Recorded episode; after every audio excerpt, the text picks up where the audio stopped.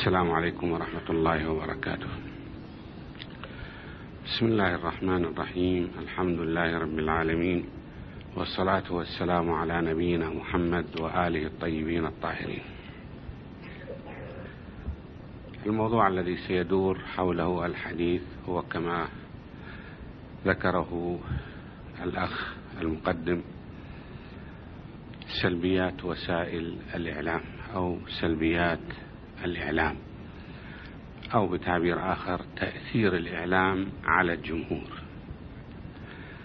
ولأجل أن نتعرف على الموضوع بشكل واضح نمهد إلى هذا بإعطاء فكرة عن الإعلام ووسائل الإعلام وأنواع الإعلام وإيجابيات الإعلام ثم ننتقل إلى السلبيات. ونحاول أن نعطي بعض الحلول أمام هذه السلبيات. الإعلام مأخوذ من أعلم يعلم آخر. أنا لا أريد أن أستعمل اللغة العلمية ربما آه، تكون غير واضحة للبعض أو قد تحتاج إلى شرح. سأستعمل التعبير الذي يوضح المفاهيم الإعلامية من دون استعمال المصطلحات. آه، الإعلام هو إيصال المعلومات. هناك معلومات نريد أن نوصل هذه المعلومات للجمهور لتحقيق هدف معين.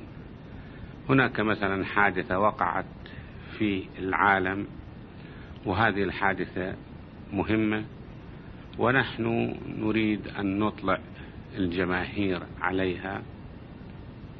نعلن عن هذه الحادثة عن طريق وسائل الإعلام.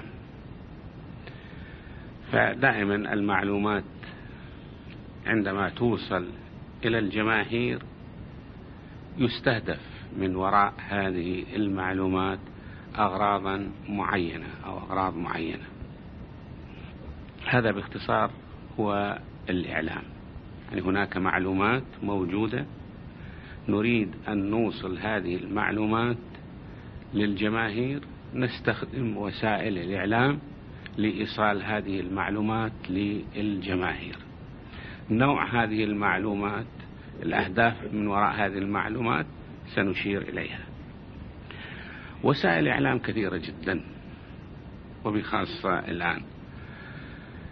الإذاعة أو الراديو من أهم وسائل الإعلام.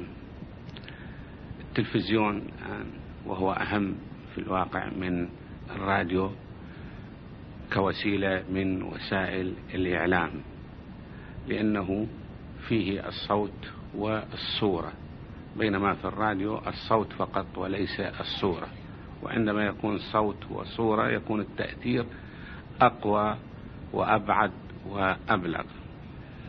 آه، من وسائل الإعلام أيضا السينما والسينما لها دور كبير. طبعا هنا لا توجد سينما في هذه البلاد والحمد لله. لكن في البلدان الأخرى توجد السينمات ولها دور كبير السينمات في مجال الإعلام. المسرح أيضا من وسائل الإعلام. وربما ترون بعض المسرحيات التي تعرض عن طريق التلفزيون وكيف هذه المسرحيات آه، تستخدم أو توضع للنقد الاجتماعي وبعض الأحيان للنقد السياسي. تأتي كلمة على لسان أحد الممثلين الذي يقوم بدور من الأدوار على المسرح فيها شيء من النقد لواقع اجتماعي موجود مثلا في المجتمع. أو لواقع سياسي أو إلى أشياء أخرى. يعني حتى المسرحيات أيضا تكون هادفة والهدف يختلف. الصحف وهي من أهم وسائل الإعلام لكثرتها وانتشارها في العالم. والصحف قد تكون صحف يومية كما هو المعروف التي نسميها بالجرائد. وقد تكون من نوع الدوريات الأسبوعية. وقد تكون نوع الدوريات الشهرية. وقد تكون نوع الدوريات الفصلية. وقد تكون من نوع الدوريات السنوية. يعني الدوريات أيضا تختلف لكن الأكثر تأثيرا كوسيلة من وسائل الإعلام هي الصحف اليومية الجرائد التي تصدر في مختلف البلدان وبمختلف آه، اللغات. النشرات النشرات التي توزع عادة في مناسبات أو غير مناسبات أيضا هذه وسيلة من وسائل الإعلام. المحاضرات التي تلقى سواء كانت محاضرات عامة تلقى على الجماهير في حشود كبيرة أو محاضرات شبه عامة التي تلقى على جمهور قليل من الناس أو عدد قليل من الناس. هذه المحاضرات أيضا تعتبر وسيلة من وسائل الإعلام. عندنا نحن المسلمين خطب الجمعة الخطب التي تلقى يوم الجمعة قبل صلاة الجمعة. أيضا هذه وسيلة من وسائل الإعلام.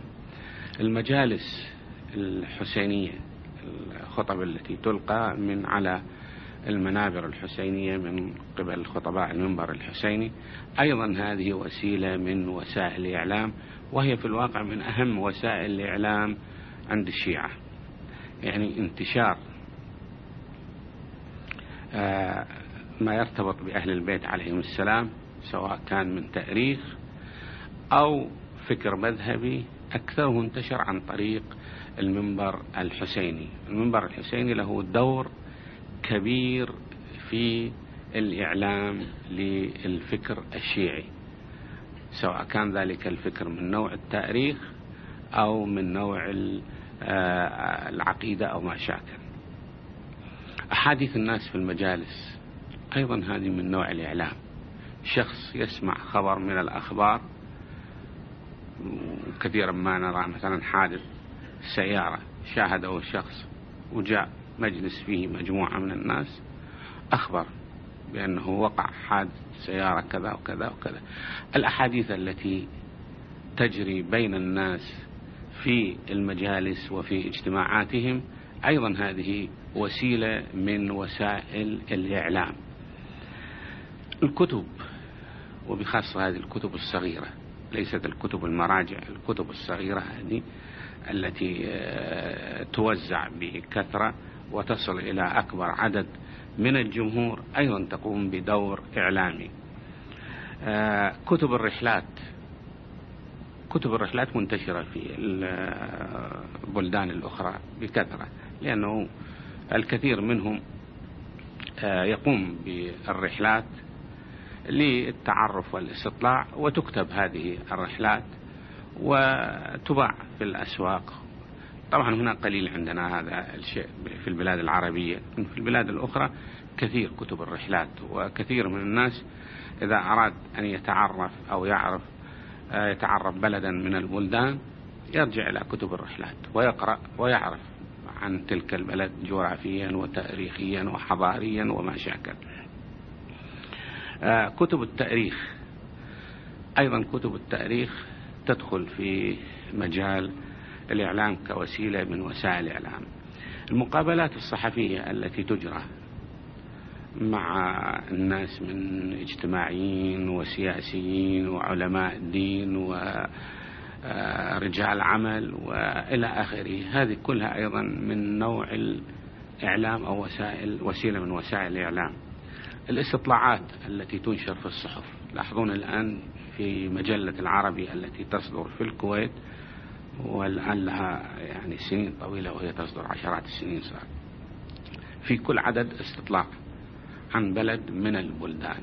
يعطي فكرة أو جانب من فكرة عن تلك البلد. هذا أيضا نوع آه، وسيلة من وسائل آه، الإعلام. وأيضا هناك وسائل أخرى كثيرة أيضا. لكن هذه أهم يعني وسائل الإعلام التي تذكر عادة والتي تدرس في مجال الإعلام. الإعلام أصبح من المواد العلمية التي تدرس. له أقسام في الجامعات وله كليات أيضا في بعض الجامعات. أنواع الإعلام كثيرة لكن أهم هذه الأنواع الإعلام الحكومي وهو الدعاية للحكومة. في كل بلد من بلدان العالم في وسائل الإعلام برامج خاصة للدعاية للمسؤولين في تلك الدولة أو للحكومة. سموا إعلام حكومي. إذا أرادت الحكومة أن آه، تعلن مثلا أو تعرف عن شيء تستعمل هذا. آه، الإعلام التربوي. شاهدوا أنتم في التلفزيون وتسمعون في الراديو برامج تربوية. آه، قد تكون في البلاد العربية قليلة لكنه في البلاد الأخرى نجد مثلا قناة بكاملها للأطفال. تعطي معلومات مختلفة منها تسلية ومنها غير تسلية. هذه لتربية الأطفال وتنشئة الأطفال نسميها برامج الأطفال. هنا مثلا تجد برامج للأطفال أيضا موجود. آه، برامج للنساء أيضا موجود. برامج أخرى هذه البرامج التربوية التي تحاول أن تربي الجماهير يعني تربية عامة.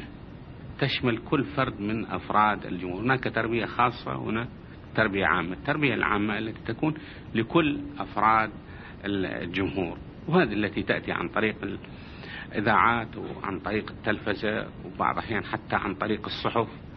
في الصحف تجد الآن صفحة أدبية أسبوعيا. صفحة دينية مثلا خلال الأسبوع وبعضها يوميا تجد هذه الصفحة الدينية. صفحة رياضية وهذا اللي ماخذ الساحة الكبيرة من الصحف. يعني في كل يوم وفي كل صحيفة صفحة رياضية. طبعا لما نقول صفحة يعني قد تكون عدة صفحات.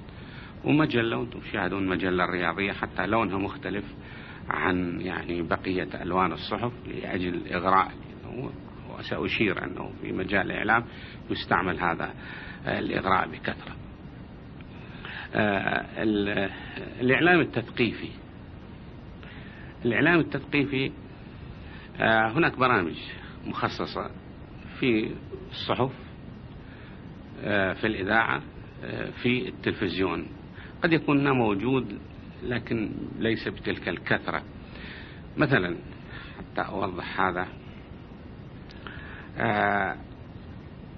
عندما تصنع مثلا غسالة ملابس بشكل جديد من آه، حيث الاستعمال يختلف عن الغسالات التي كنا نستعملها مثلا سابقا. الناس يشترون هذه الغسالة ويريد أن يستعملوا هذه الغسالة. كل غسالة معها دليل أو كتالوج كما يسمونه باللغة الإنجليزية. لكن مع هذا في التلفزيون تجد برامج خاص لكيفية استعمال هذه الأدوات. غسالة أمامك تشاهدها وكيف تستعمل خطوة خطوة إلى أن ينتهي الغسيل. هذا النوع نوع من البرامج التثقيفية. آه، تصليح السيارة بالشكل البسيط من قبيل مثلا آه، البنشر يسمون من جميل هذا الاسم. طبعا الغريب أن كل ما يرتبط بالسيارة غير عربي إلا كلمة سيارة. كلمة سيارة هذه عربية ما عدا كل غير عربي إما إنجليزي أو فرنسي. ولكن استعمل هذا الاستعمال أيضا لما يكون بشر أمامك بالتلفزيون تشاهد كيف يحدث وكيف ننزل العجلة أو اللي تسموه كفر وكيف يصلح هذا. هذا البرنامج تثقيفي لأن كل واحد يحتاج إلى هذا. نسميه برنامج تثقيفي. هذا موجود أيضا في الإعلام. هناك الإعلام الديني. الإعلام الديني ذكرنا أن المنبر الحسيني هذا وسيلة مهمة عندنا. نحن الشيعة من وسائل الإعلام خطب الجمعة عندنا نحن الشيعة وعند بقية المسلمين أيضا. هذه وسيلة من وسائل الإعلامية الدينية المهمة.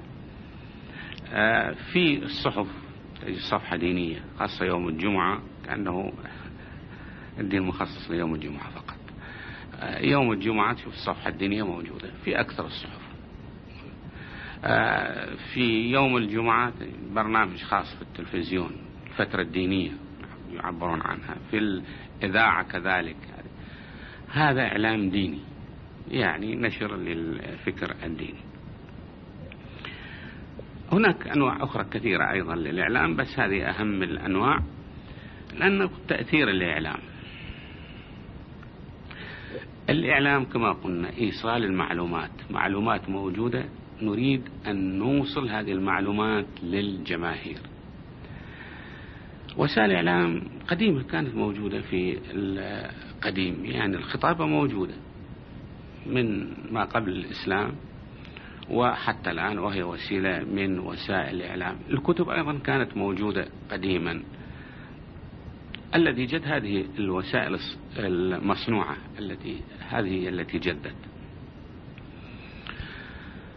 بعد الحرب العالمية الثانية كانت هناك ثورة تسمى ثورة الاتصال أو ثورة الاتصال الجماهيري.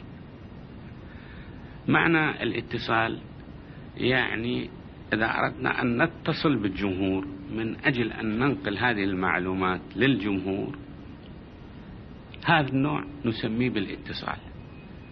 في لغة الإعلام يسمونه بالاتصال.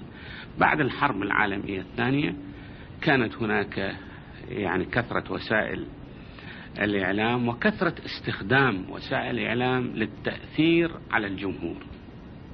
حتى يقال أن العشرات الثلاث الأولى التي بعد الحرب العالمية الأولى كان الدور في التأثير على الجماهير لوسائل الإعلام وكان تأثيرا كبيرا.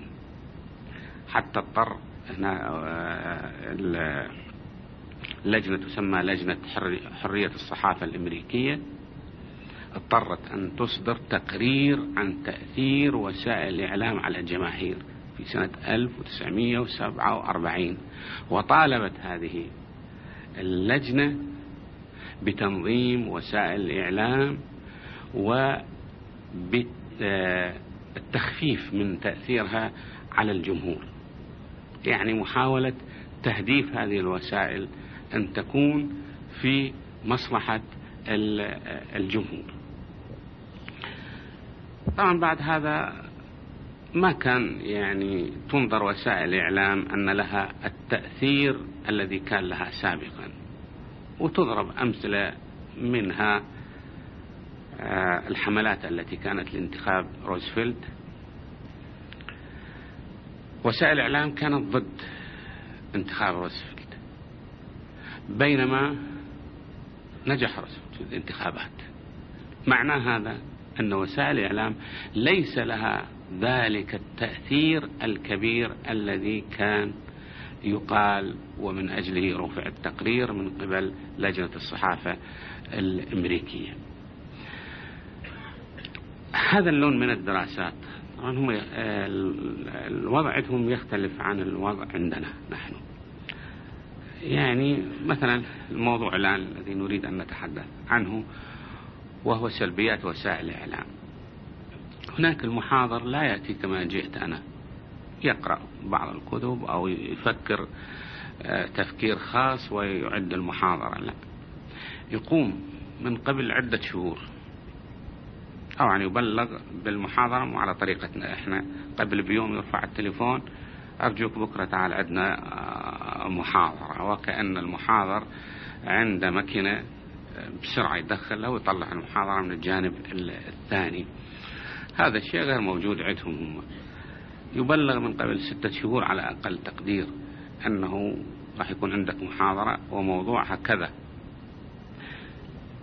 سلبية وسائل الإعلام. الإنسان لا يستطيع أن يفهمها بأن يجلس في داره. هيعمل هذا الذي يطلب منه أن يحاضر هيعمل استبيانات. ووزعها على الجمهور على عدد كافي من الجمهور بعينات مختلفة.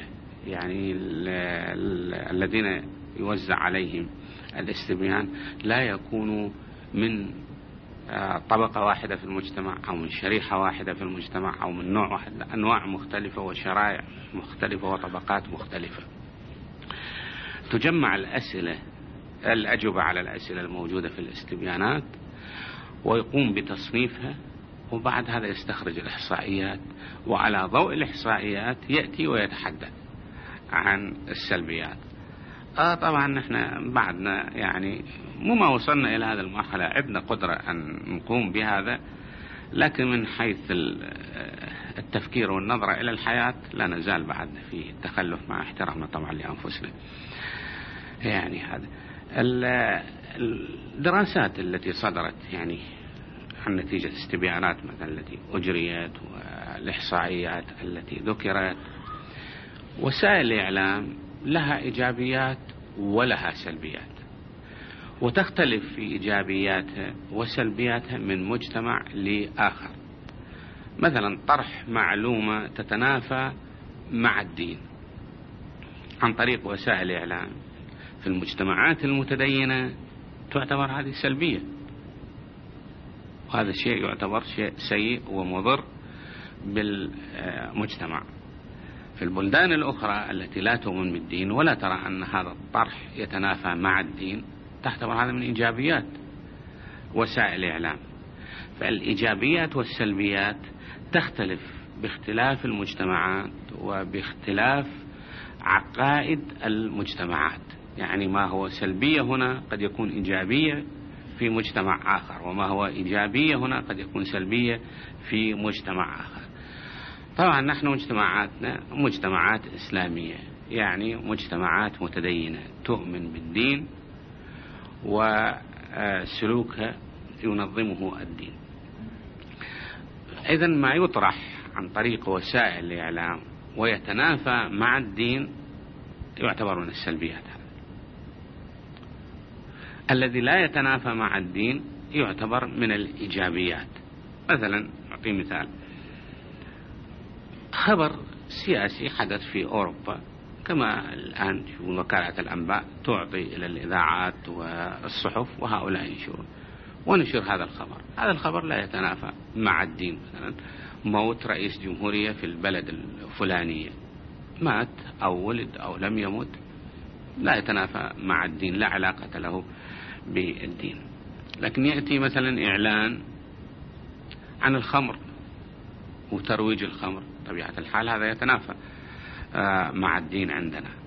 هذا نعتبره من السلبيات؟ بينما في البلدان الأخرى مثلا قد لا يعتبروه من السلبيات. فإذا مقياسنا نحن في اعتبار أن المطروح عن طريق وسائل الإعلام هو من السلبيات أو ليس من السلبيات هو هذا. مقياسنا نحن المسلمين هو الدين. إن كان يتنافى مع الدين هو من السلبيات لأنه حيؤثر على المتدينين الذين هم متمسكون بهذا الدين. وإذا كان لا لا يتنافى مع الدين لا يعد من السلبيات. هناك سلبيات تشمل كل المجتمعات سواء كانت المجتمعات متدينة أو غير متدينة. وهذا الدراسات الكثيرة أعطت هذه النتيجة. في مجتمعات متدينة في مجتمعات غير متدينة.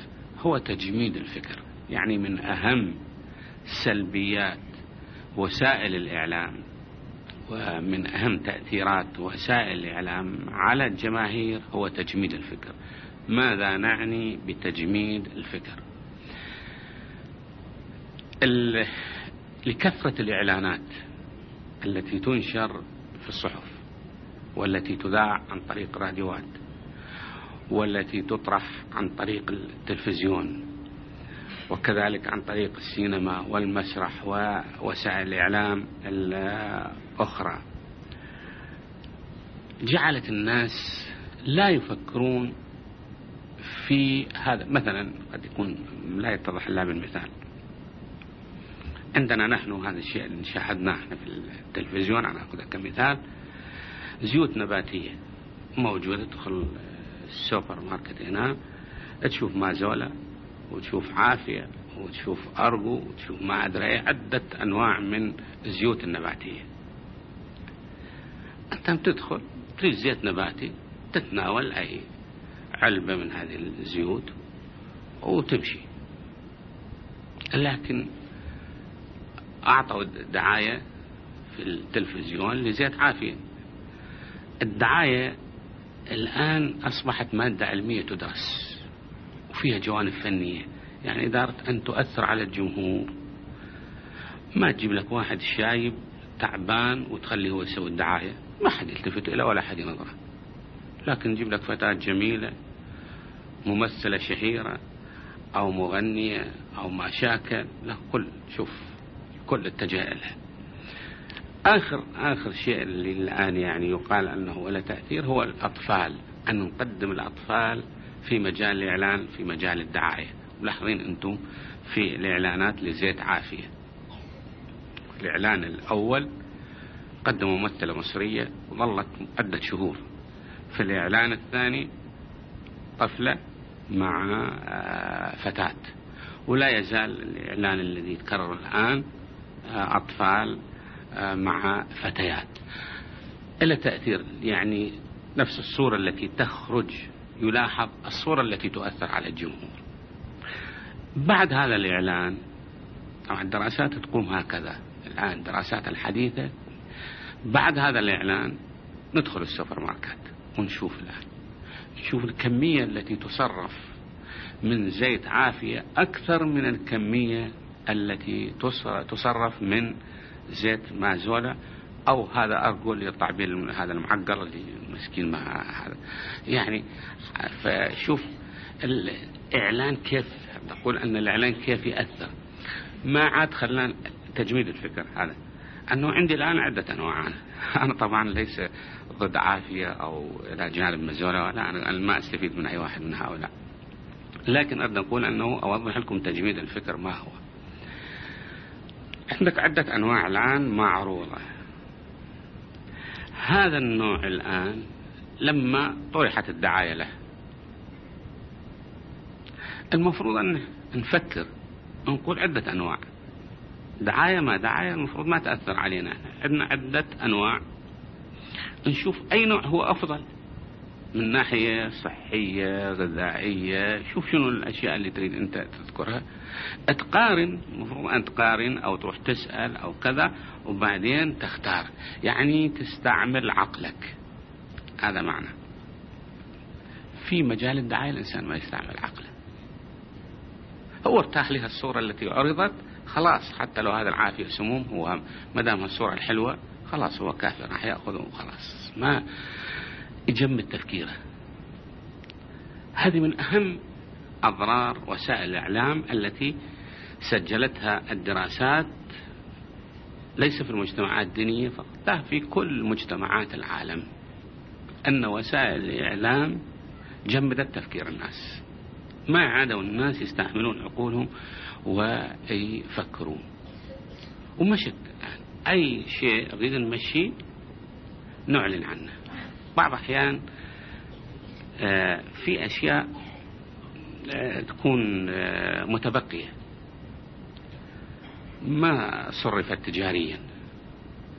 حيخسر التجار. طبعا التجار ما هو تجارنا إذا يريد يخسر يخسر له ألف ريال أو ألفين ريال يتحملها. هذا تجار كبار ضخمين راح يكون خسارته بالملايين. فكيف يتحملها هذه؟ يروح يدفع نصف مليون مليون إعلانات من أجل أن يصرف هالكمية المتبقية واللي هي تعبانة في الواقع وتمشي هذه ليه؟ لتأثير وسائل الإعلام يعني لكثرة استخدام هالوسائل هذه ولكثرة انشداد الناس لهذه الوسائل جمدت تفكير الناس شيء يعلن عنه وخاصة إذا كان الإعلان مؤثر الناس تستجيب من دون أن تفكر في أي شيء آخر. أعطي أمثلة أخرى الآن. التنافس بين الشركات الذي يحدث وهذا يحدث بشكل واسع وكبير. لأنه قلت هناك الربح كبير والخسارة كبيرة. فشركة تأتي مثلا ترى أن بضاعة هذه الشركة هي التي تغزو أسواق هذه المنطقة ومنتشرة في هذه المنطقة. تريد أن تفتح لها طريق؟ لا تجد طريق. لأن يعني الناس مقبلين على شراء هذه السلعة لهذه الشركة. ماذا تعمل؟ بس دعاية ضد السلع المطروحة.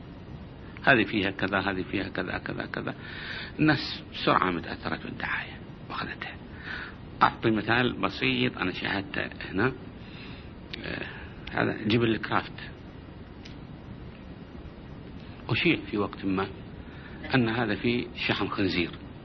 طبعا إذا كان في شحم خنزير إحنا مسلمين متدينين يحرم علينا آه، تناوله وأكله.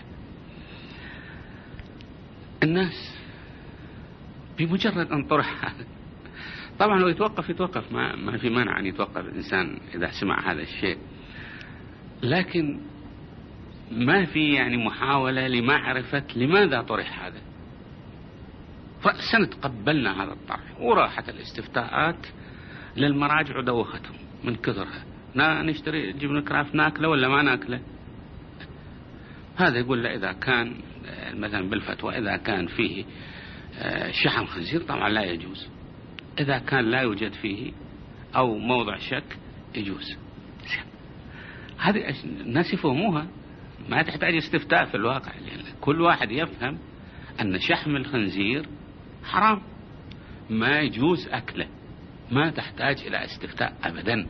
لكن تأثير الدعاية المضادة لهذا خلت الناس حتى تروح تستفتي. يعني كان ممكن أن يعني لو كنا نحن واعين لتأثير الإعلام ووسائل الإعلام نروح نفتش عن السبب. ما هو السبب الذي دعا لطرح هذا الإعلان هذا؟ حتى بعد هذا نشوف. وهذا ممكن أن يحلل في أي مختبر من المختبرات الموجودة في المدارس أو في المستوصفات أو في المستشفيات تؤخذ عينه ويحلل. بعدين النوعية والجودة الموجودة هنا تحلل. فإذا كان في شحم خنزير ما تخليه ينزل أبدا. يعني كبلد بلاد مسلمين وناس مسلمين ما يخلوه ينزل أبدا. فأنا ما أريد أقول أن أدعو إليه لكن أريد أقول كيف أن الدعاية تؤثر. يعني حتى مع علمنا بأنه إذا كان في هو محرم إذا ما كان في حتى فوسائل الإعلام لها تأثير. هذا تأثير تجميد الفكر. أهم تأثير هذا أنه جمدت فكرنا. ما حاولنا أن نفكر في هذا شنو ما شنو إحنا نقدر نحلله هنا وما نروح بهالاستفتاءات الطويلة العريضة. ربما هذه الدعاية مغرضة ربما كذا ما في أي شيء من هذا. رأسا أي شيء يطرح نتقبل هذا الشيء اللي يطرح. أيضا وسائل الإعلام لها دور كبير في التضليل. حقيقة لكن هذه الحقيقة إحنا ما نريدها. لسبب من الأسباب. تشوف كيف يضللون عليها. يحولون الحق إلى باطل والباطل إلى حق. ورأينا بشكل واضح يعني هاي القضايا اللي مرت كثير ورأينا من هذا كثير. أيضا هذا من تأثيرات وسائل الإعلام التي ينبغي أن نتنبه آه، لها. محاولات وهذا الذي جرى وشير إلى إشارة محاولات الانحراف بالسلوك. هذا موجود بكثرة خاصة في البلاد المستعمرة. البلاد المستعمرة وسائل الإعلام تقوم بدور حرف الناس عن سلوكه. إلى سلوك آخر يساعد على بقاء نفوذ المستعمرين. وهذا طبعا تاريخه طويل ومكتوب عنه شيء كثير فقط أردت أن أشير إليه. الآن ما هو موقفنا بعد أن من هذه السلبيات على اختلاف ألوانها؟ وكيف نخليها ما تأثر علينا؟ هو أن نستعمل تفكيرنا. يعني هذا التجميد اللي عملت من أجله وسائل الإعلام من بقي إحنا؟ فكر. كل ما يطرح نفكر فيه. هل هذا يقبل أو لا يقبل؟ لماذا طرح هذا؟ وما هي الغاية من هذا الطرح؟ مجرد أن نقرأ بالصحيفة خبر هذا كما تشوف مثلا أنا رأيت هناك آه، يعني أكثر الجمهور المصري مو طبعا الناس الذي يفهمون أو الكبار لا أو لا يفكرون لكن عامة الناس. عندهم كلمة يقول له آلة الأورنال أو, أو آلة الجورنال. الجورنال باللغة الفرنسية الجريدة. قالت الجريدة خلاص. الجريدة ما هي قرآن يا أخي حتى إذا قالت الجريدة. هو جريدة كل اللي يعملون بها يمكن يكونوا فسقة الكذب بالنسبة لهم أسهل ما يكون. رأسا قالت كأنه ما يذكر في الجريدة آية قرآنية. لا تقبل النقاش لأنها طبعا الآية القرآنية صادرة من الله. الله معصوم فإذا هذا يقارن هذا تماما أنه قالت الجريدة. كيف؟ يعني أثرت وسائل الإعلام إلى هذا الحد الذي نقبل. نريد أن نقف الآن أمامنا شيئين. هو نحذر مما ينشر ولا نقبل ما ينشر أو يذاع أو يعرض إلا بعد التفكير. ونشوف ما له وما عليه. الشيء الثاني أن يكون إلى عندنا.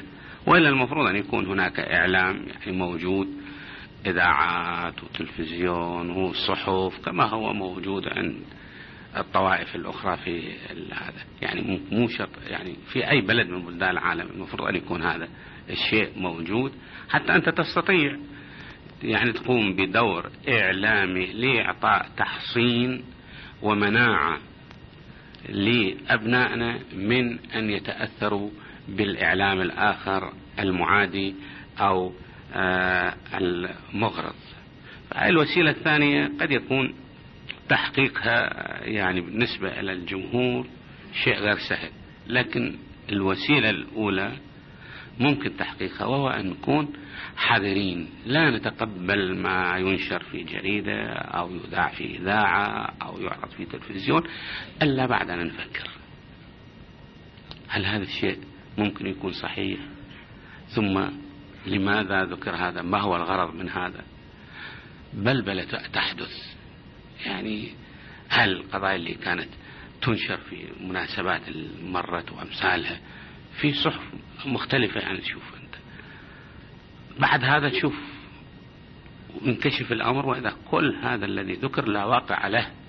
والناس صدقوا وأخذوا به ومشوا وهذا. بس أعطي مثال واحد وأنهي الموضوع. الإمام الحسين عليه السلام ابن بنت رسول الله. والمسلمين طبعا يعرفون الإمام الحسين. ما في مسلم لا يعرف الحسن والحسين بعد تأكيدات النبي صلى الله عليه وآله والصحابة لا يزال لا يزالون موجودين أيام الحسين. لما قتل والدعاية التي قامت عندما أدخلت الرؤوس إلى الكوفة ثم إلى الشام أن المقتول خارجي وهؤلاء النساء خارجيات. وانطلى الأمر على أهل الشام. لولا موقف آه، الإمام زين العابدين عليه السلام وموقف آه، زينب وأم كلثوم آه، ما كان ممكن. فالدعاية إلها تأثير. أقول أنه إحنا لازم نكون واعيين. يعني من ذاك الوقت الدعاية تلعب دورها وتأثر. الإعلام يلعب دوره ويأثر. فنكون واعيين يعني لا نتقبل أي شيء يقال أو أي شيء يذاع أو يعرض أو ينشر إلا بعد التفكير والتأكد من واقع الأمر. والحمد لله رب العالمين.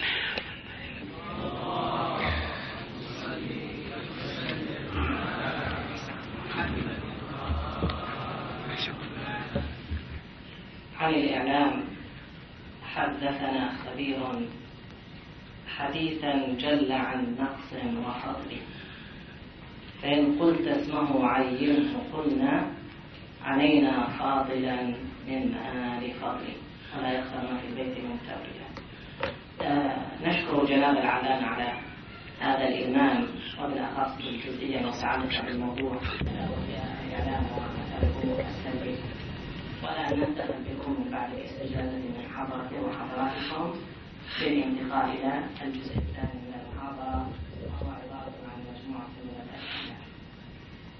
جناب العلامة ونحن ندعو إلى نبذ شبابنا وإخوتنا لمجموعة من البرامج الإعلامية التي تأخذ قسطا كبيرا من أوقاتهم والسقيمة في نفس الوقت يتولد لدينا جزء كبير من الوقت أو فراغ من الوقت يا ترى ما هو الدليل في رأيكم وما توجيهاتكم في هذا الباب.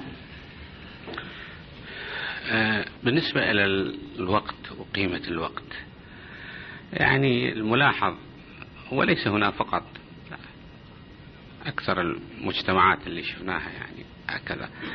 الوقت لا قيمة له عندهم بينما نحن إذا أردنا أن نتعرف على سيرة الأئمة عليهم السلام وهم قدوتنا ومقتدانا. نرى أن الوقت له قيمة عندهم. لا يضيع الوقت عندهم بدون فائدة. الوقت كله من أوله إلى آخره يكرس للفائدة. يعني لا يصرف أو شيء من الوقت من غير فائدة. أن تأتي وتصرف مثلا قسطا من الوقت في مشاهدة برنامج لا فائدة لك فيه. طبعا تضيع هذا الوقت. أو تذهب ل آه، بنوع من اللعب مثلا الذي لا فائدة فيه. لا من ناحية مثلا صحية ولا من ناحية تربوية ولا من ناحية آه، أخرى. أيضا هذا تضييع للوقت. وإضاعة الوقت الإنسان محاسب عليها يعني ضميره يحاسب عليها. الناس طبعا أيضا يحاسبونه عليه عليه لأنه ممكن أن يصرف هذا الوقت فيما ينفع نفسه وفيما ينفع الناس. الله سبحانه وتعالى أيضا يحاسب على إضاعة الوقت. فنحن لأجل أن نملأ أوقاتنا بما فيه الفائدة لابد من تنظيم الوقت. مثلا في كتاب الأخلاق عند الإمام الصادق عليه السلام للشيخ محمد أمين زين الدين وهو من الكتب القيمة المفيدة جدا. تشوف هناك تنظيم للساعات اليومية للإنسان. ينظم وقته. وأظن سامعين مرار كثيرة كلمة مالك بن أنس إمام المذهب عندما كان آه، يدخل على الإمام الصادق وهو يقول يعني ما رأيت إلا قارئا آه، للقرآن. يعني يريد يتحدث عن توزيع الوقت عند الإمام الصادق. يقول أنه إما كان يقرأ القرآن أو يعلم أو يصلي لا يترك وقته يضيع هكذا. فلأجل أن نستفيد من أوقاتنا يعني أنا أقترح أن يكون عندنا برامج للشباب برامج تثقيف. الواقع نحن هنا يقصرنا الثقافة تنقصنا الثقافة. ولا نزعل يعني أنا واحد منكم ما يعني هم مثلكم. يعني, آه يعني لو أي واحد من عندنا الآن لو ردنا نعمل استبيان أو إحصائية أو اختبار يعني كثير من الناس ما مستعد أن يجي يجلس مع ابنه ويفهمه شو هي العقيدة الإسلامية. سأل من حتى أسماء الأئمة يمكن حدد لك. واحد يقول خلي العباس ضمن الأئمة ذاك يخلي زينب ضمن الأئمة وهذا يخلي ما أدري. وحقه لأنه ما أحد فهمه ما أحد معلم. هذا أساسيات في حياتنا. إحنا لما ننتمي المفروض يعني يكون انتمانا صحيح. نحن ننتمي لهذا الدين ولهذا المذهب. المفروض يكون انتمانا صحيح. ولا نكذب في انتمائنا. كيف يكون انتمائنا صحيح؟ بأن نتعلم. فالمفروض يكون عندنا برامج تثقيفية نفهم العقيدة نفهم الأحكام نفهم حضارتنا نفهم تاريخنا على واقعه. يعني الآن ربما قد تستغرب أنت لو قلت لك أن كثير أنا من شاهدتهم من غير المسلمين والغربيين يفهم عن واقع بلدنا أكثر مما نفهم نحن. يفهم عن واقع ديننا قد يكون أكثر مما نفهم نحن. لماذا؟ لأنه يعتبر هذا شيء من الثقافة هو. يعتبر شيء من الثقافة. حاول أن يفهمه. الآن مثلا أطرح مثال بسيط حتى لا أطيل. الآن تسمع أنت بالإذاعة أو بالتلفزيون والصحة البوسنة والهرسك. ما في واحد من عندنا مثلا قال أنا أحاول أن أتعرف شنو هم ذول البوسنة والهرسك؟ بشر أو غير بشر؟ شو هم ذولا يروح مثلا يقرأ عنهم مثلا يأخذ فكرة عن جغرافية البلد عن تاريخ البلد عن الواقع الاجتماعي الآن للبلد الواقع السياسي الواقع الاقتصادي. بينما هناك تذهب أنت وأنا كنت يعني آه، قبل فترة في أوروبا وشاهدت يعني ما ينشر للتعريف بالبوسنة. والناس كلها تروح تلاقى في هاي الأشياء تعرف كثقافة. شوف هذا الشيء هاي ثقافة ثانوية طبعا تعتبر. مفروض إحنا نثقف الثقافة الأساسية وبعدين نثقف إحنا حتى الثقافة الأساسية اللي هي مطلوبة آه، من عندنا ما نعرف عنها أي شيء. يعني أنت لو سئلت ما هي الكتب التي خلفها الإمام أمير المؤمنين؟ ما تدري. وحقك لأن إحنا ما عودنا أنفسنا. أنا ما أقدر أقول أنت يعني هذا مذنب في هالناحية. لا. لكن إحنا مع, مع الأسف ما عودنا أنفسنا. وقيمة الإنسان بثقافته. الإمام يقول قيمة كل امرئ ما يحسن. أنت الآن يجيك واحد مثلا لا يفهم أي شيء جاهل. ما تحترمه مثل ما تحترم العالم أو المثقف.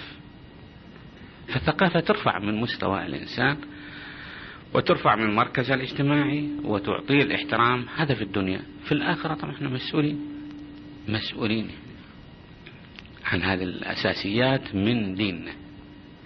وما أن عذر أن نقول إحنا ما تعلمناها أو ما علمونا طبعا هذا العذر غير مقبول. فأنا أقترح يعني أن يكون عندكم برامج وموجود عندكم كما أعلم أن يكون عندكم برامج وتكون مكثفة للتثقيف في المجال الديني والتثقيف العام الذي ممكن أن يستفاد منه. بالنسبة للبديل الذي طرحته يلاحظ أنه موجود وبالأخص موسمين في شهر رمضان. إنما الملاحظ بصورة واضحة أن الإقبال أغلب ما يكون كثيفا في الأيام الأولى إنما إذا امتد الشهر هذا الشهر المبارك تجد الإقبال قليلا جدا. فما هو الحل لهذا التخلف في الحضور؟ عندنا ظاهرة موجودة وهي ظاهرة الكسل وهي ظاهرة الشعوب الشرقية بشكل عام تقريبا. الكسل ما عندنا استمرار روح استمرارية. في عملنا الإنسان كإنسان مطلوب منه أن يخدم نفسه ويخدم الآخرين يخدم مجتمعه ويخدم مبدأ أيضا. كيف يكون هذا؟ أن يكون جاد في أعماله في حياته ومخلص أيضا في تلك الأعمال. الطالب من عندنا لاحظ الآن يدرس. إذا كمل الثانوية هذا مزين يعني. جامعة حد البكالوريوس؟ قال بس بعد خلاص تعبنا كافي. أو فتح له مثلا أفرض بقالة. ارتزق منها. عرض فيها سلع. ما يحاول في يوم ما أن يوسع البقالة. كافي الحمد لله رزقنا مشينا ولله الحمد. هذا كله ينبع مو عن قناعة عنده. لا هذا تبرير. هذا اللي يقوله مو عن قناعة. هذا اللي يقوله تبرير لكسله. وهذه دراسات قائمة موجودة تثبت أنه عندنا روح الكسل. والروح الكسل ما تخلي الإنسان يستمر. إنسان إذا يحب نفسه والمفروض في الإنسان أن يحب نفسه. يعمل على رفع مستواها. وبالدرجة الأولى الذي يرفع مستوى الإنسان هو الثقافة. نشوف برامج تقرأ أنت بعض الأحيان برامج تثقيفية تقام مثلا في بعض بلدان أوروبا أو في بعض ولايات أمريكا. تشد الرحال إلى هناك الناس يردون يطلعون يروح. يدفع مبالغ في السفر من أجل أن يثقف. من أجل أن يعرف هذا الشيء. وأنت الثقافة لما تكون عندك مفروض تكون حريص عليها أكثر. يعني أرد أقول هذا عنصر الكسل المفروض أن نتخلى عنه. نتحول إلى ناس عمليين.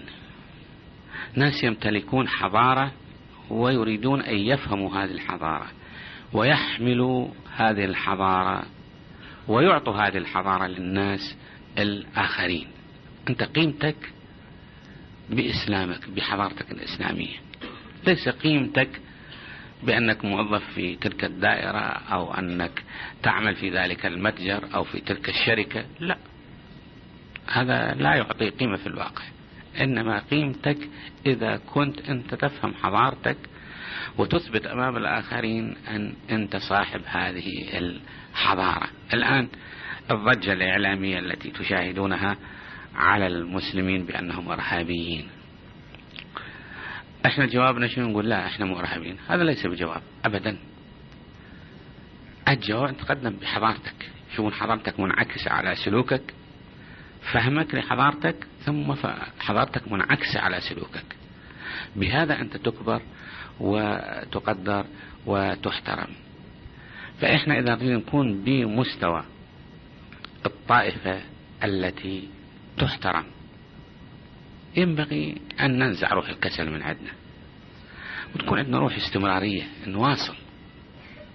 يعني يأخذ مثلا ألاحظ بعضهم يأخذ شهادة دكتوراه في مجال لا يكتفي. يروح يأخذ في مجال ثاني ومجال ثالث وهكذا. يرفع من مستوى. فروح الكسل هذه نتخلى عنها ونكون جادين.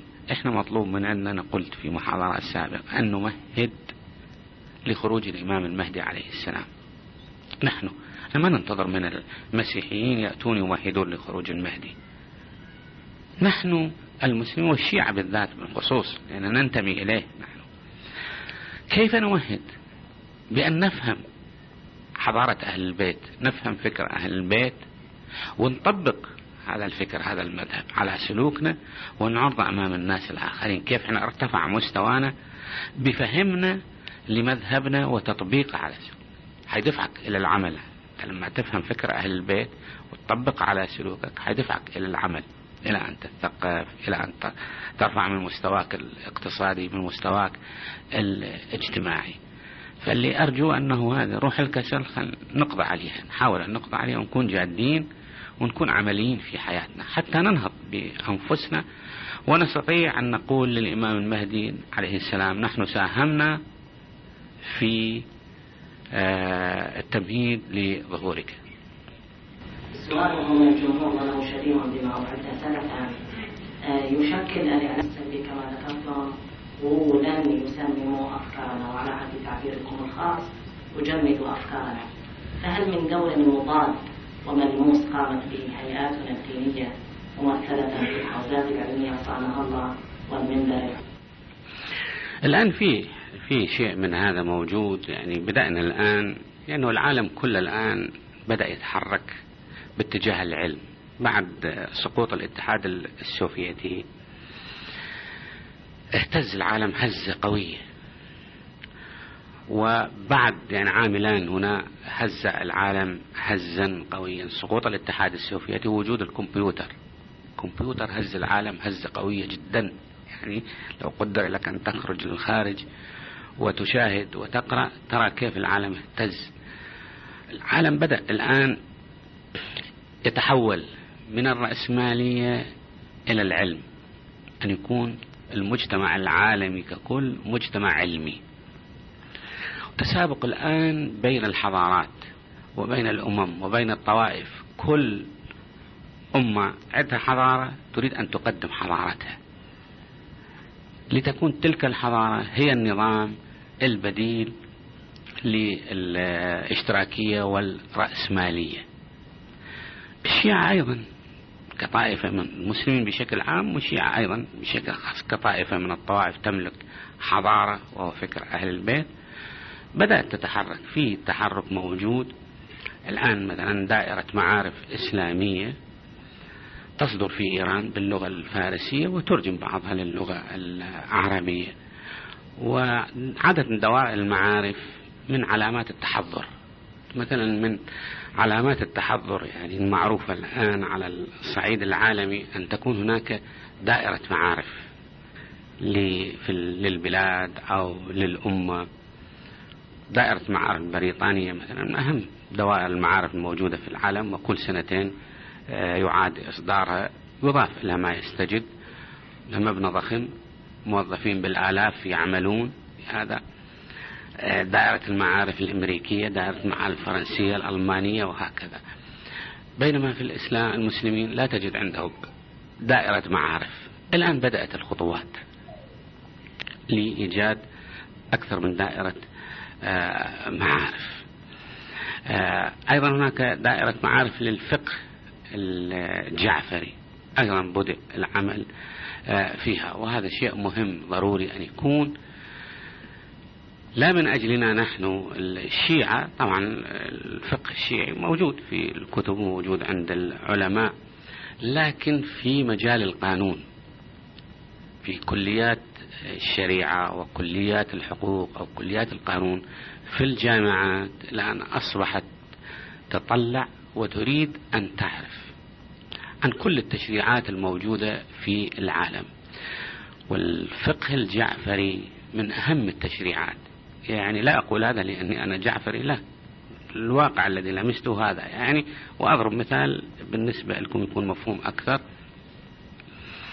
لا يوجد في آه، فقه المذاهب الأخرى سواء كانت إسلامية أو غير إسلامية كتاب فقهي أكثر من أربعين مجلد. يعني أنا شفت أوسع كتاب فقهي هو عند الإباضية لبن خميس أظن اسمه آه، عشرين مجلد. بينما نجد نحن عندنا الجواهر 43 مجلد ولو طبع مفتاح الكرامة يمكن يصير حوالي 60 مجلد. لو طبعت أيضا كتب فقهية أخرى قد تربو على هذا آه، العدد. فتشريع بهذه الضخامة الناس تنتظره وتستقبله وتريد أن تعرف عنه. فيعني الآن في خطوات أولى كما يتفضل السيد.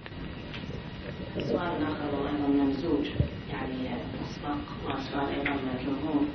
آه الإسلام يتسم بالشمولية في معالجة كثير من القضايا فله مجال الاجتماع فلسفة ولو في مجال الاقتصاد فلسفة وما إلى ذلك. فهل له فلسفة في مجال الإعلام؟ بمعنى آخر الآن تقدم برامج عن طريق وسائل الإعلام وبالأخص التلفزيون. هل الإسلام يمكن أن يعدل من هذه ما هي وجهة نظري في هذه البرامج. هل التعديل هو الوسيلة الأساسية؟ طبعا الإسلام له فلسفة مثل ما يتفضل السيد أو أيديولوجية كما يعبر بعضهم في كل مجالات الحياة لأنه الإسلام نظام للحياة. فإذا كان نظام للحياة يكون له في كل مجال من المجالات تخطيط ومنهج. كذلك في الإعلام. قد نبدأ نحن بتأسيس مثلا وسائل إعلام جديدة وتمنهج وفق المبدأ الإسلامي أو أن الوسائل الموجودة أيضا ممكن أن تعدل ممكن أن تعدل بالشكل الذي تلتقي مع المنهج الإسلامي والتخطيط الإسلامي. في دراسات الآن موجودة بعنوان الإعلام الإسلامي. وموجود في بعض أقسام الإعلام هنا وكذلك في بعض في كلية الإعلام في بعض أقسامها في مصر موجود وكذلك في إيران موجود وفي باكستان موجود.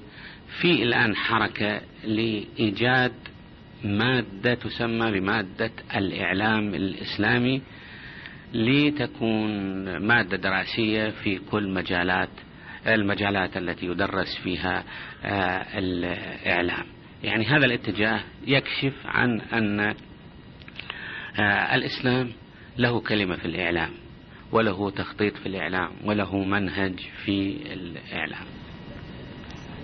أحيانا جناب العلامة يكون الإنسان ابنا لعواطفه لا ابنا لعقله فعواطفنا لها مدخلية في قبولنا لهذا الإعلام أو رفضنا لذاك الإعلام. يا ترى كيف نتعامل مع هذه العواطف الناس لنا في هذا الباب؟ أنا أشرت أنه من أهم سلبيات الإعلام والمتفق عليها ولها تأثير على كل الجماهير في مختلف أنحاء العالم. يعني ليس في المجتمعات الدينية فقط هو تجميد الفكر. ومعنى تجميد الفكر أن الإنسان يعطل تفكيره لا يستعمل عقله. يأخذ بكل ما يسمع كل ما يقرأ كل ما يشاهد. وقلت هذه يعني من الأضرار الكبيرة وكتب عن هذا شيء آه، كثير. آه، نحن الشرقيين هنا يعني. من خلال الدراسات التي أجريت لا نزال عاطفيين. يعني نستخدم العاطفة أكثر مما نستخدم العقل. ومن هذا الكسل الذي أشرنا آه، إليه. نحتاج الآن إلى أن نوازن. نحن لا نقول لا نكون عاطفيين. لا لابد من وجود العاطفة لأنه نحتاج إليها في كثير من المجالات. لكن ينبغي أن نوازن بين العقل والعاطفة. لا أن نكون عاطفيين أكثر من كوننا عقلانيين. أن نأخذ خط وسط. نستعمل العاطفة في مجال العاطفة ونستعمل العقل في مجال العقل. وضربت أمثلة كثيرة أنه هذه الإعلانات التي آه، تطرح.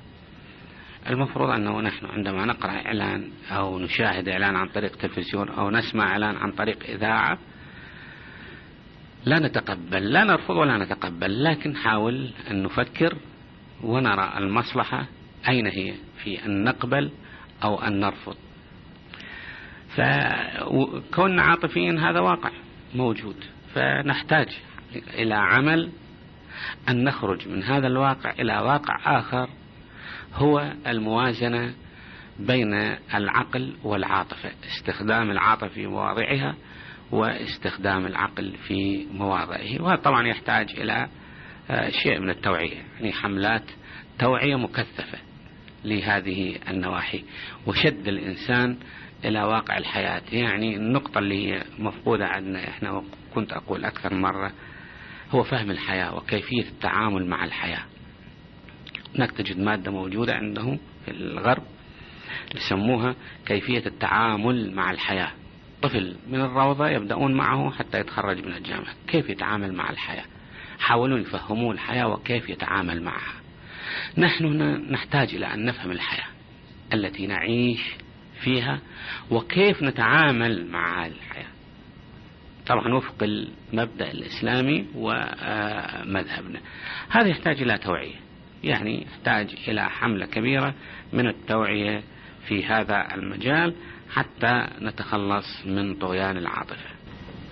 ذكرتم أن الإعلام سلبيات كثيرة جدا لكن لا يخفى أن له أيضا إيجابيات كثيرة جدا أو قليلة بالنسبة لكم السلبيات لكن الملاحظ أن هناك من الشريفة الملتزمة حفظهم الله من يعزف عزوفا تاما حتى عن الجيد من البرامج التي قد تبث أو تذاع من خلال المذياع على صحة كلمة المذياع أو خطأها أقول هناك من عزف عن هذا ويطرحون مبالغا لذلك عدم اقتناع علماء الدين وبالأخص في مناطقنا بهذه الأجهزة الإعلامية. فهل عدم اقتناع علمائنا حفظهم الله هو من باب التحرر الشخصي أم هو أمر عرفي؟ وماذا يقال لأولئك الشريفة؟ أنا ما أدري موجود عندهم أو غير موجود. وما هو السبب هذا؟ السؤال يوجه لهم لا, لا يوجه لي لكن أنا أقول شيء حقيقي يعني بشكل عام. قد يكون مثلا العالم الديني من باب الاحتياط ومن باب الترفع عن بعض الأشياء التي عندنا شيء يسمى منافيات المروة العالم الديني المفروض أن يكون أكثر. إذا كان مثلا مثلنا إحنا الناس العاديين ينبغي أن نبتعد عما ينافي المروة العالم الديني يكون أكثر من هذا قد يكون ومن هذا. وملاحظة جيدة أنا ما أقول أنه آه هذا خطأ تبرير مقبول. لكن بالنسبة إلى عامة الناس إحنا كيف نتعامل مع الحياة؟ طبعا هاي الوسائل جزء من الحياة. وهذه الوسائل واقع قائم. يعني لا نستطيع أن نرفض هذه الوسائل ونقضي عليها نلغي هذه الوسائل من الحياة. إذا كان هكذا نأخذ بالمشروع قبل أن جيد أو غير جيد. يعني ما هو مشروع إسلاميا؟ يعني ما هو جائز سماعه ومشاهدته وقراءته ونختار الجيد إذا أردنا أن نستفيد في آه، تعاملنا. يعني نخلي أمامنا إسلامنا ومذهبنا. نشوف ماذا يقول؟ بعد هذا نأتي نشوف الجيد الذي نستفيد منه في حياتنا. برنامج ممكن نستفيد منه في حياتنا. نأخذ. إحنا تعودنا ظاهرة موجودة وأيضا سبحان الله الدراسات اللي جاي تجري هنا جاي تكشف أشياء وأشياء. طبعا ما أقول هنا يعني بالجارودية لا بالشرق يعني بشكل عام. آه أن كثير من عندنا يتخذ من مشاهدة التلفزيون أو, مش أو استماع المذياع مثل ما يتفضل السيد آه للاستهلاك المجلسي. يريد يشوف شنو شاف حتى يروح يم جماعة اللي يقعد وياهم يقول لهم والله شفت كذا كذا كذا كذا. انتهى خلاص انتهت مهمته الآن. أو سمع من المذياع شيء راح يريد يقول لهم أنا سمعت كذا وكذا وكذا. يعني الهدف عنده أن ينقل هذا ما وراء هذا الهدف شيء. أما أنه هو يريد برنامج مثلا هذا مفيد ويريد يوجه الآخرين لأن يستفيدوا من هذا البرنامج وهو يستفيد. أو أن هذا البرنامج غير مفيد ويريد أن ينبه الآخرين إلى أن هذا البرنامج غير مفيد حتى يبتعدوا عنه هذا ما موجود لدى الكثير منا. وهو سبب عدم آه، فهمنا لكيفية التعامل مع الحياة. وأنا قلت هاي الوسائل الحديثة ضربت لكم مثال البرامج اللي تنشر كيف نستعمل هذه نستخدم هذه الوسيلة؟ كيف نشغل مثلا الغسالة؟ إحنا نحتاج في مقابل هذا نحتاج في مقابل هذا إلى أنه كيف نتعامل مع هذه الوسيلة بشكل عام. يعرض فيها يعرض فيها المقبول والمرفوض. كيف نتعامل معه؟ كيف نفهم المقبول وكيف نفهم المرفوض؟ هذا الذي نحتاج إليه. وينبغي يعني أن نفهم. لماذا أقول هذا؟ أي إنسان لا يكون صاحب مبدأ لا يكون له أي احترام كما قلت سابقا. إذا كنت صاحب مبدأ أشوف أنه هذا يلتقي مع مبدئي أو لا لأنه محافظتي على مبدئي. تطلب مني هذا. توجب علي هذا. هذا الذي ينبغي يعني أن يكون آه، لدينا. لا مقياسنا أنه أنت ترى أن هذا البرنامج جيد وذاك يرى غير جيد. لا. قبل كل شيء هل هو مشروع أو غير مشروع؟ بعد هذا نأتي. هل هو مفيد أو غير مفيد؟ يعني هذه طريقة التعامل مع هذه الأشياء المستحدثة. بعض الإخوان الجمهور يلاحظ ملاحظة عملية قائلا هناك دور كبير يقوم به العمال الأجانب وخاصة الهندوس. أو الهندوس ما أدري في ممارسة الانحراف وإشاعة الفساد في المجتمعات الإسلامية وفي بيوتنا وأسواقنا بالذات فكيف يمكننا التنبه لهؤلاء وغيرهم؟ هذه الظواهر أنا ذكرت لكم طريقتنا إحنا جاي نستخدمها طريقة غير مجدية. وذكرت لكم بالنسبة لي أنا شخصيا موضوع مثلا سلبيات الإعلام. هذه ما تؤخذ بأن يأتي شخص ويقول هذا الهندوس قال كذا أو عمل كذا أو كذا. هذه لا. تحتاج إلى دراسات ميدانية. دراسات ميدانية تكون من جهات مختصة بهذا. أو جماعات مختصة مسموح لها بالقيام بهذه الدراسات تقوم بهذه الدراسات. نتائج هذه الدراسات على ضوءها توضع. إذا كانت تطلب إذا كانت هناك مشكلة وتطلب إلى حل يوضع لها الحل. أما الكلام كثير ما يعني ما نستطيع أن نأخذ بهذا الكلام الذي يقال وبخاصة ونحن عاطفيين. القضية البسيطة نحاول أن نضخمها. بما شاء الله يعني. فهذه الأمور أنا حقيقة ما لا أؤيد يعني التسرع في الوقوف منها بمجرد أن يشاع أن هناك كذا. تحتاج إلى دراسة ودراسة متأنية ومستقصية أيضا. ونتائج هذه الدراسة على ضوءها نستطيع أن نقول هذا أو ذاك. هذا من ناحية اجتماعية. من ناحية شرعية طبعا هذا أنتم فاهمين يعني من ناحية شرعية يعني الطاهر من النجس ترجع به إلى العلماء. والمفروض أنك أنت كإنسان مقلد ومسؤول أمام الله عن تكليفك الشرعي تأخذ بها. إن قيل لك هذا الشيء يتنافى تأخذ به. إن قيل لك من ناحية شرعية. هذا الشيء لا يتنافى أنت حر تأخذ به أو لا تأخذ أنت حر. يعني نتعود إحنا قبل يعني أن نطلق الشائعات وقبل أن يكون أي شيء من هذا نبدأ بالقضية الشرعية. نتعرف على واقع الأمر من ناحية شرعية. هل هو جائز أو غير جائز؟ وعن طريق تقليدك. والسؤال من العلماء أو من الرسائل إذا كنت تفهم أنت الرسالة. وبعد هذا يأتي. دور الأمور الأخرى. يعني إذا أردنا نتعامل هكذا نتعامل نبدأ بالتكليف الشرعي. ما هو؟ وبعد هذا على ضوء فهمنا التكليف الشرعي نقوم بتعاملنا مع القضية. جناب العلامة أكثرتم من الحديث عن الإعلانات التجارية. فيا ترى ما هي ما هو الحكم الشرعي للإعلان التجاري إذا كان بمجرد الترويج للسلعة مع العلم أنه لا يحكي إلا واقعها أي إلى واقع أكثر أولا أنا مو من أهل الفتية. طبعا لفتوى هذا يستفتى به العلماء لأن تختلف الإعلانات التجارية حقيقة. بعض الأحيان يكون فيها كذب. إذا كان فيها كذب لا يجوز. الكذب لا يجوز. في مثل الحالات طبعا في حالات يجوز الكذب. لكن في مثل هذه الحالات لا يجوز الكذب لأنه لأنه كذب ولأن فيه خديعة للناس أيضا. وإذا كان لا يوجد فيها كذب والإعلان لشيء محلل غير محرم ما فيها شيء. وإذا كان طبعا الإعلان لمحرم هذا لا يجوز من الأساس لا يجوز. ومع هذا أقول ترجع إلى فتوى المجتهد المقلد في المسألة لأنه هذه لها شعب ما هي يعني ذات هذا وجه واحد. آخر سؤال هو سؤال لغوي وإنما نوجهه لأن الشيخ لا نسيت اللغة. أنا هذا العلامة ما نقدر كلمة الرائي للدلالة على جهاز التلفزيون. كلمة الرائي هذه متمسك بها الشيخ علي الطنطاوي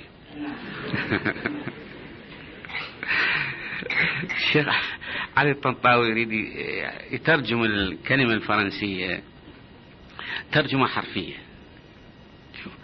الترجمة الحرفية مش دائما تأتي صحيحة. أنا ما أبدأ خطأ طبعا إلى رأيه هو رجل أستاذ هو وأديب لكن الترجمة الحرفية مش دائما تأتي صحيحة. التلفزيون أمامك أنت تراه أو هو يراك. أنت اللي ترى التلفزيون وما يراك التلفزيون. فالتلفزيون مرئي وأنت الرائي. فالترجمة بالإذاعة المرئية بعضهم يترجمه يقول الإذاعة المرئية هذه ترجمة صحيحة تتمشى مع يعني لما نترجم ترجمة حرفية نلاحظ هل الترجمة الحرفية تتمشى مع الواقع الذي آه واقعنا إحنا آه كعرب من خلال لغتنا مشية إذا لا ما نمشي. يعني آه مثلا أيديولوجية أو أيديولوجي idea فكرة ology علم. لو أردنا نترجمها ترجمة حرفية حنقول فكرة علم. فكرة علم نقول أنت عجمي ما تفهم. شلون يصير فكرة علم؟ لازم نقول علم الفكرة. ليه؟ لأن هم يقدمون المضاف إليه ويأخرون المضاف. إحنا بالعكس نقدم المضاف ونأخر المضاف إليه. فلو أردنا نترجمها ترجمة حرفية ما راح تمشي مع لغتنا. لازم نعكس. نأخذ المضاف